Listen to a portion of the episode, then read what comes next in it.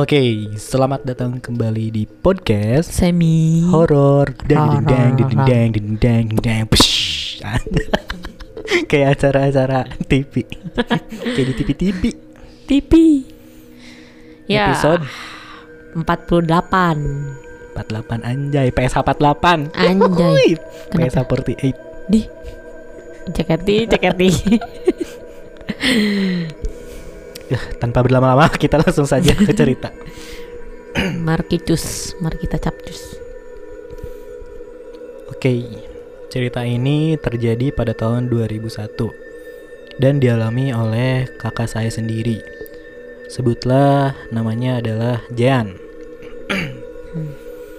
Jean yang kala itu berumur 18 tahun dan baru saja lulus SMEA atau sekarang mah disebutnya SMK mengadakan acara perpisahan terakhir bersama teman-temannya sebut saja Helen, Linda, dan Nuri. Mereka berempat sepakat untuk pergi ke Supermall Karawaci, sekadar makan malam, bermain time zone, dan menonton bioskop di jam malam. Guys, kalau kita nonton film Jaya Langkung di jam malam, kayaknya seru banget deh. Kalian berani nggak? Wih, boleh banget tuh Jan. Nanti kita berangkat sehabis maghrib aja ke sana biar lebih puas main.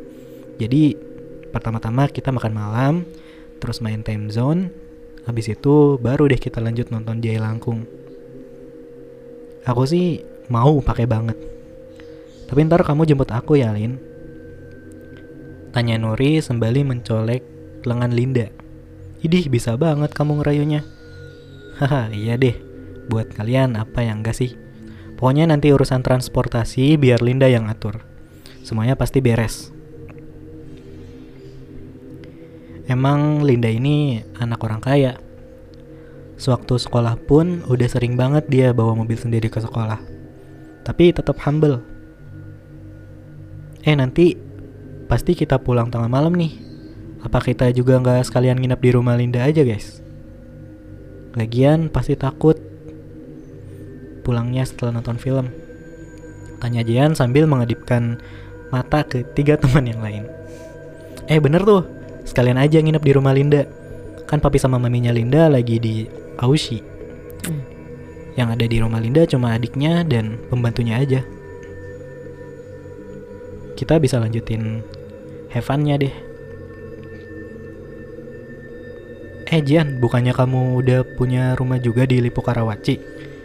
Harusnya kita-kita orang yang nginep di rumah kamu dong. Tanya Linda. Iya sih, tapi kan belum selesai Lin rumahnya.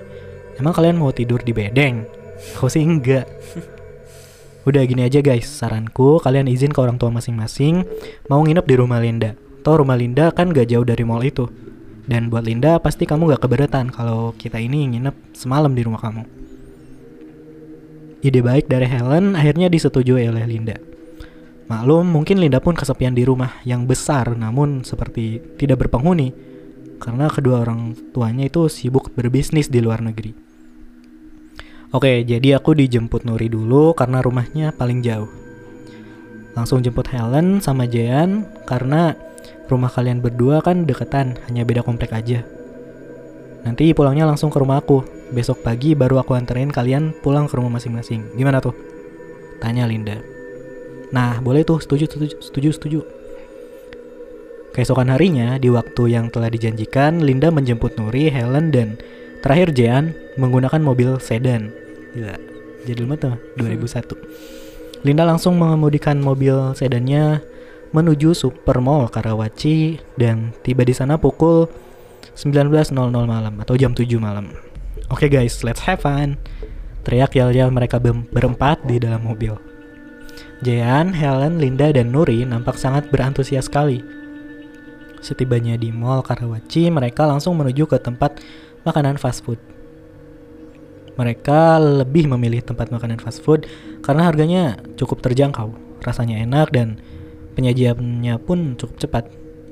Guys, kita makan di KFC aja ya biar nggak kelamaan. Lagian udah jam 7. Habis makan langsung beli tiket bioskop. Baru deh sambil nunggu filmnya dimulai, kita main-main di time zone. Sehabis makan, empat sekawan itu langsung memasuki loket tiket bioskop dan membeli empat tiket di barisan paling belakang, atas tengah. Keseruan malam itu mereka lanjutkan dengan bermain di wahana permainan time zone. Gelak tawa mewarnai setiap aksi mereka saat mencoba satu persatu wahana permainan tersebut. Jean, Helen, Nuri, dan Linda sangat menikmati kebersamaan mereka saat menghabiskan malam merayakan perpisahan sekolah dengan caranya. Namun kebahagiaan itu pun seketika lenyap manakala jam sudah menunjukkan pukul 9 lewat 15 malam dan mereka harus bergegas untuk memasuki pintu teater bioskop. Woi, kalian nungguin aku ya? Aku mau ke WC dulu nih. Eh, woi kalian tungguin ya, aku mau ke WC dulu. Kalian ada yang mau ikut gak sekalian? Tanya Jian. Ih, kamu ini emang gak di mana-mana pasti beser terus. Linda, jawab Linda sambil ketawa-tawa. Nuri, Linda, dan Helen saat itu mereka sedang tidak ingin ke toilet. Jadi mereka memutuskan untuk menunggu Jian yang ke kamar kecil di depan. Saat masuk ke dalam kamar mandi bioskop, entah kenapa hawanya tiba-tiba menjadi sangat panas sekali sampai Jian kegerahan. Duh, kok tiba-tiba hawanya mendadak jadi panas sih? Apa saya di mall ini rusak? Batinnya dalam hati sambil tangan kanannya mencoba mengipasi lehernya yang bercucuran keringat. Setelah Jan masuk ke dalam bilik kamar mandi, ia jelas mendengar suara gemuruh orang. Tolong, panas, panas, tolong selamatkan kami, buka, pintunya buka. Suara itu terus terngiang-ngiang di telinga Jan. Sampai Jian berpikir, apakah ada kebakaran di luar? Jian yang panik kemudian mencoba membuka bilik kamar mandi, namun entah mengapa slot pintu kamar mandi tersebut seperti sulit untuk dibuka. Hmm. Jian semakin panik manakala lampu kamar mandi tiba-tiba mati. Tolong, ah, teriak Jian sambil menutup mata. Setelah beberapa saat ia menutup mata, suasana di sekitar seolah menjadi hening. Perlahan Jian membuka matanya berharap semua akan baik-baik saja. Betapa terkejutnya Jian saat ia membuka mata, ternyata yang ia lihat di sekelilingnya adalah puing-puing bangunan kosong hmm. yang telah hancur di lahap si jago merah. Jian kemudian keluar dari kamar mandi itu. Ia berharap bisa menemukan sahabatnya Helen, Linda, dan Nuri di luar. Tetapi tidak ada satupun orang di sana. Ia hanya melihat puing-puing bangunan yang hangus terbakar. Dan juga bau daging yang terbakar sangat menyengat di hidung. Jian perlahan melangkahkan kakinya sambil terisak tangis dan memanggil-manggil ketiga sahabatnya. Jian masih berpikir jika ketiga sahabatnya itu ikut menjadi korban. Kakak, tolong, tolong kakak, badanku panas, terbakar kak. Suara anak perempuan kemudian mengalihkan fokus Jian. Jian untuk sesaat menyeka air matanya dan menjawab suara itu. Siapa di sana? Halo? Apa ada orang? Tanya Jian. Sambil terbata-bata. Aku di sini kak, di belakang kakak, ucap suara anak perempuan itu lirih terdengar di balik punggung Jian. Sontak Jian berbalik badan dan melihat ke arah belakang.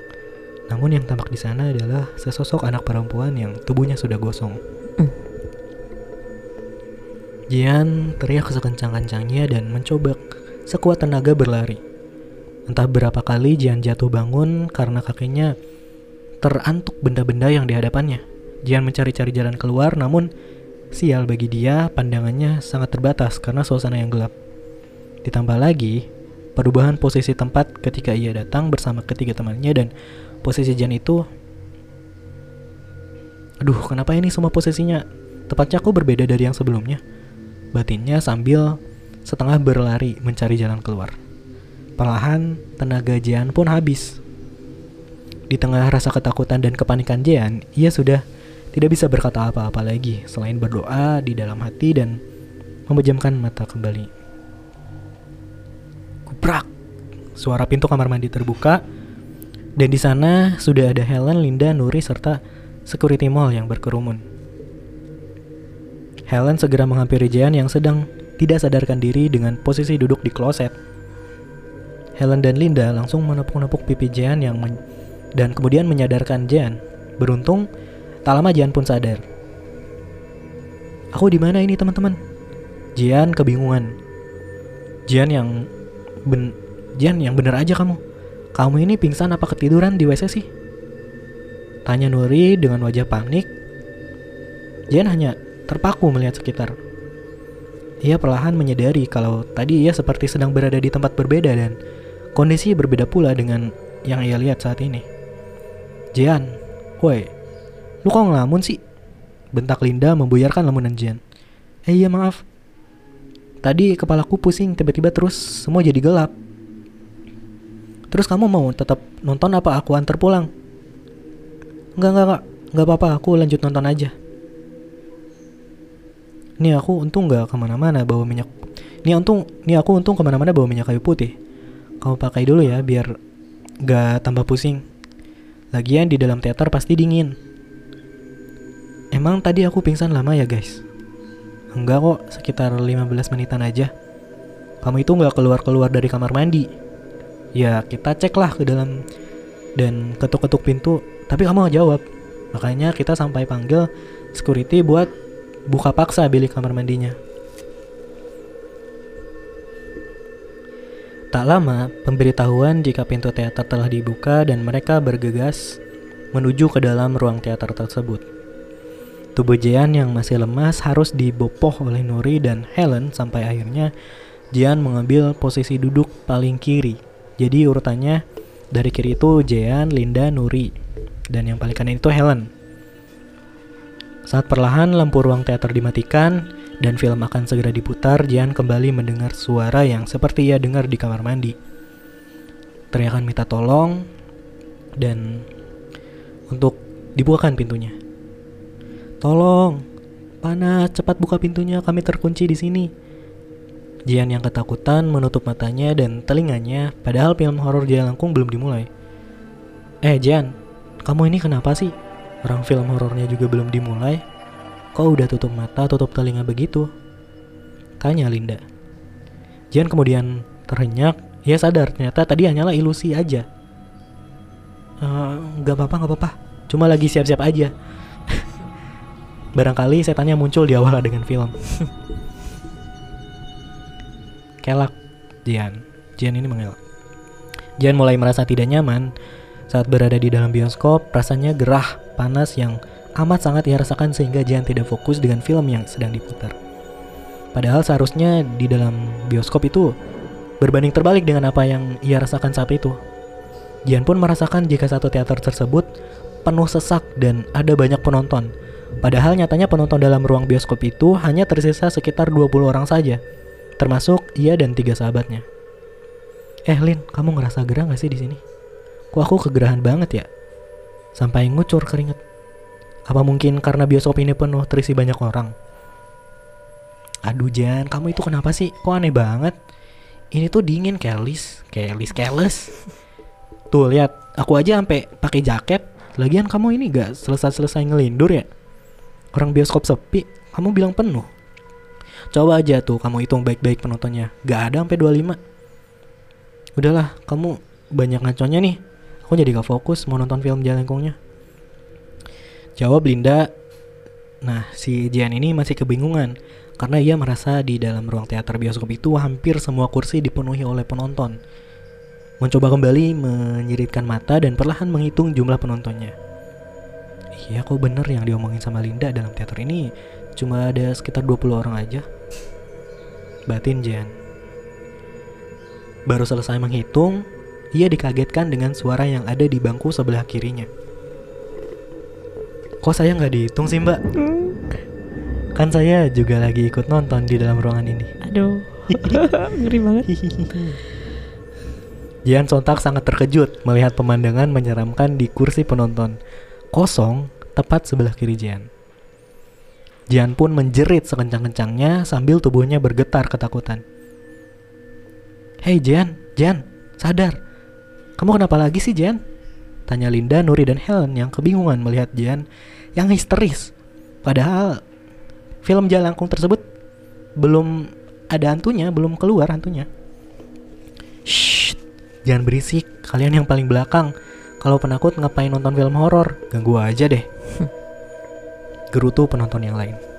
Eh iya kak maaf kak Teman kami lagi nggak enak badan Sekali lagi maaf ya udah buat gaduh Eh kalau sakit di rumah aja nggak usah nonton film horor gimana sih Ganggu aja deh berisik lagi teriak-teriak juga Timpal para penonton bioskop satu sama lain yang merasa terganggu dengan suara jeritan Jan barusan. Aduh Jan, kamu ini kenapa sih? Aneh banget. Setelah dari kamar mandi tadi, kalau tahu gitu mending kita nggak usah nonton. Kasihan deh kamu jadinya. Gak fokus. Jan merasa bersalah, ia berkali-kali meminta maaf kepada teman-temannya karena perilakunya yang tiba-tiba mendadak jadi aneh. Jan kala itu masih menyembunyikan rapat apa yang sedang ia rasakan karena gak mau ganggu kebersamaan dengan tiga sahabatnya. Jan perlahan mencoba memfokuskan mata dan pikirannya untuk mengikuti alur cerita film. Namun, lagi dan lagi ia selalu diganggu oleh suara di telinganya. Jan yang kesal kemudian menghiraukan segala macam suara yang ia dengar dan malahan seolah tidak terjadi apa-apa. 30 menitan film berlangsung, Jan kembali dikagetkan dengan penampakan dua pocong gosong yang berdiri tepat di sebelah kanan Helen. Kedua pocong itu hanya terlihat diam saja, berdiri mematung ke arah Jan. Tenggorokan Jan seperti tercekat. Ia sama sekali nggak bisa berkata-kata, hanya saja tangan kanan Jan yang menuju ke arah dua sosok tersebut sampai sosok itu menghilang. Jan, kamu jangan buat kita takut dong kamu ini kenapa sih? Kok nunjuk-nunjuk ke arah kosong? Kita bukannya takut lihat film, tapi takut lihat tingkah kamu yang aneh. Udah, udah, udah, tenang, tenang. Ini kan bentar lagi juga filmnya selesai. Nanti langsung kita pulang terus istirahat. Mungkin Jan kurang istirahat, jadi dia berhalusinasi. Jan hanya mengangguk, ia tidak mau menjelaskan yang sebenarnya terjadi. Setelah film Jaya Langkung 2001 berakhir, Setelah film Jaya Langkung 2001 berakhir, mereka berempat segera bergegas ke mobil Linda yang terparkir di basement. Saat menuju basement, Jian lagi dan lagi menerima teror yang membuat dirinya ketakutan setengah mati. Linda mengedus aroma. Kalian nyium bau sangit gosong gak sih? Ucap Jian sambil mencoba memuntahkan isi perutnya. Tiba-tiba Jian mengendus aroma sesuatu. Kalian nyium gak sih bau hangit gosong, bau sangit? Ucap Jehan sambil mencoba memuntahkan isi perutnya. Dih, aneh. Kamu aneh Jehan. Kita nggak nyium apa-apa dari tadi. Eh apa Nuri kali bau badannya pas datang ke sini belum mandi, kebakar. Ih, aku mandi tahu. Lagian kamu aneh deh. Kita sama sekali nggak nyium bau gosong loh. Ya udah sekarang cepat, yuk kita ke mobil. Jian udah terlalu kelelahan. Kemudian dia kembali berteriak sekencang-kencangnya dengan histeris untuk kedua kalinya, manakala ia melihat sosok makhluk hitam gosong yang sedang berada di atas mobil sedan milik Linda. Jian, kamu kenapa lagi sih? Gak capek apa teriak-teriak mulu? Jian kemudian terisak tangis ia sangat kesal karena setelah dari peristiwa kamar mandi tadi dirinya merasa selalu diteror oleh penampakan suara bahkan bau-bau yang aneh. Iya ya gue janji bakalan cerita sama kalian semua kalau udah ada di rumah Linda. Jawab Jean dengan terisak. Di sepanjang perjalanan menuju rumah Linda, Jean masih saja mendengar jerit orang-orang yang menangis, meminta tolong dan merintih. Jean terus menutup kedua telinganya, tak peduli ketiga sahabatnya itu menatap dengan tatapan yang aneh kepada Jan. Sesampainya di rumah Linda, Jan langsung dicecar pertanyaan. Nah, sekarang kamu udah di rumah Jan. Eh, dah sekarang kamu udah di rumah. Coba deh cerita. Kenapa sih kamu aneh banget tadi pas di Supermall Karawaci? Nah, Jan langsung menceritakan pengalaman horornya barusan kepada sahabatnya. Reaksi mereka beragam. Ada yang percaya, ada pun yang menganggap Jan hanya berhalusinasi. Aku sih percaya sama Jan, karena Supermall Karawaci kan dulu banyak memakan korban nih pas di tahun 1998 kerusuhan itu. Apalagi tempat yang paling banyak memakan korban jiwa ya di bioskopnya. Timpal Nuri. Hmm, kalau aku sih susah buat nerima hal-hal yang seperti ini guys. Aku mikirnya Jan ini sedang kecapean dan menyebabkan Jian itu jadi halusinasi atau ilusi. Nah, aku setuju sama Helen. Kayaknya Jian emang lagi kecapean, sahut Linda. Terserah kalian deh kalau mau percaya ataupun enggak. Tapi aku ini yang ngerasain, aku benar-benar seperti diikuti juga sama makhluk-makhluk di dalam Supermall Karawaci itu. Udah, udah, udah. Sekarang udah malam juga, lebih baik kita tidur. Besok pagi kan kita pulang ke rumah masing-masing. Di rumah Linda, Jian tidur bersama Nuri di kamar khusus tamu, khusus tamu. Sedangkan Helen tidur bersama dengan Linda di kamar Linda. Sebelum tidur, Nuri sempat bercerita jika ia turut bisa merasakan ketakutan yang luar biasa jika ada di posisi Jian. Namun mereka pun tidak bisa memaksakan dua sahabat lainnya untuk percaya akan hal-hal mistis yang baru saja Jian alami. Nuri tak lama kemudian berpamitan untuk tidur duluan karena badannya terasa letih dan juga sudah mengantuk kepada Jian. Tapi sayangnya mata Jian kala itu sulit untuk terpejam. Sayup-sayup, Jian mendengar suara sesuatu benda yang diseret dari luar kamar. Dan suara itu tepat berhenti di depan kamar yang sedang ditempati oleh Jian dan Nuri. Kreket. Pintu kamar kemudian terbuka perlahan dengan sendirinya. Dan di balik pintu itu ada sosok perempuan yang berusaha menyeret sebagian tubuhnya yang telah hangus terbakar. Aroma bau gosong mulai tercium kembali oleh Jian. Jian yang dilanda ketakutan, ia langsung berlindung di bawah selimut sambil memeluk Nuri. Nuri, Nuri, bangun, bangun, bangun. Jian berusaha membangunkan Nuri, namun sepertinya Nuri sudah terlelap dan dalam mimpinya dan Jan kemudian mencoba mengintip apa yang barusan dilihatnya dari balik selimut. Ia terperanjat saat melihat ke arah pintu kamar. Tidak ada makhluk yang menyeramkan itu, dan pintunya pun dalam keadaan tertutup. Mungkin benar ini cuma ilusiku saja, ucap Jan sambil menarik nafas dalam-dalam. Saya ada di sini, Mbak. Suara itu seperti tidak asing lagi bagi Jan. Segera Jan membalikkan tubuhnya dan ternyata sosok wanita menyeramkan telah berada di sisi Jan. Seketika Jan pusing dan tidak sadarkan diri. Di sisi lain, Nuri yang tidur bersebelahan dengan Jan terbangun dengan gelagat aneh Jan. Jan menangis terseduh-seduh sambil kedua tangannya menutupi wajahnya. Jan, kamu kenapa? Kok tengah malam malah nangis? Jan, kamu kenapa sih? Kok nangis tiba-tiba?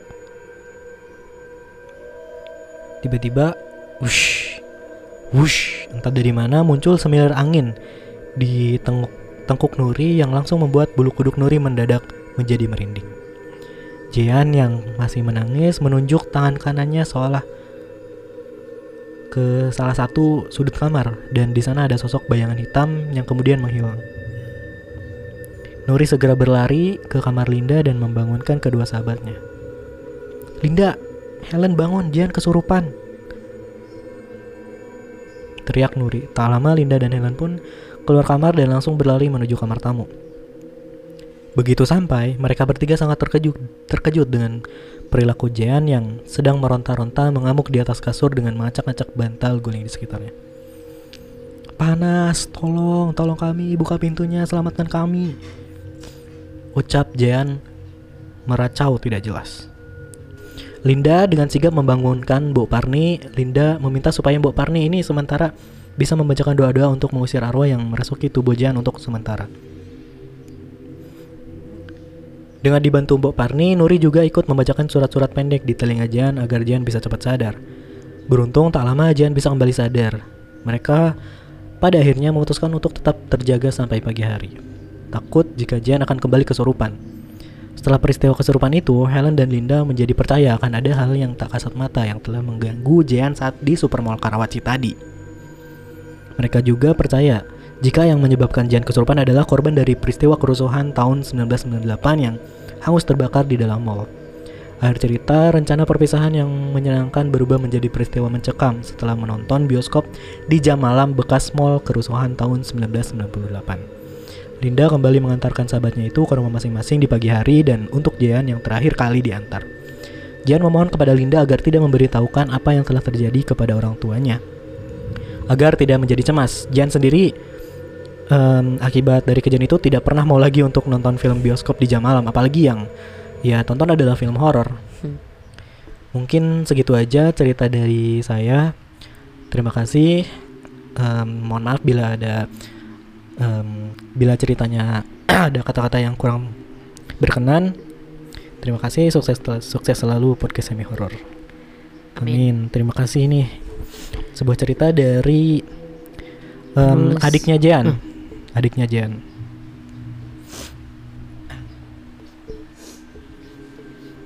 Mungkin si Jean ini diceritain sama si adiknya Jean ini diceritain sama em, kakaknya si Jean ini.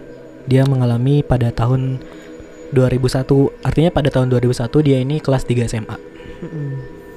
Dan si mallnya sudah diganti ya jadi mall super super mall Karawaci Hmm. yang tadinya kalau nggak salah mall Klender deh kalau nggak salah ada filmnya tuh kerusuhan 98 2001 98 99 2000 4 tahun berarti ya eh Hmm. tiga tahun tiga tahun tiga tahun setelah kejadian kerusuhan 98 Ya. wow. wah masih anget sih sebenarnya Hmm. tiga tahun udah berani nonton di situ dan udah tahu ceritanya itu bener-bener gokil sih malam-malam lagi cerita ini kita balik lagi nih flashback ke episode 16 ingat gak? Yang mana tuh? Yang sobat mirror cerita lewat telepon. oh iya yang di kamar mandi eh di WC Iya, mall bioskop bioskop ya. Sama nih cerita Iya, iya, di iya. bioskop juga. Dibawa ke alamnya Hmm. pada saat itu. Iya benar-benar ini tapi dia ini sampai si waktu di episode 16 itu kalau nggak salah itu habis nonton ya eh? Sebelum kayaknya eh sebelum gak sih? Apa udah se- lagi setelah setelah setelah nonton. Setelah nonton. bukan lagi nonton? Nggak tahu deh kalian dengerin aja tuh di episode 16 ya tapi ini super duper very mega mega serem sih. Parah sih. Sampai ngikut ke rumah minta tolongnya. Aduh ya Allah. Ampun deh. Jangan sampai dah kejadian ini cukup sekian akhir kata Aziz pamit Yunda pamit stay safe stay healthy and stay with podcast semi horror tetap dengarkan podcast semi horor deng deng deng deng deng deng deng dis bye bye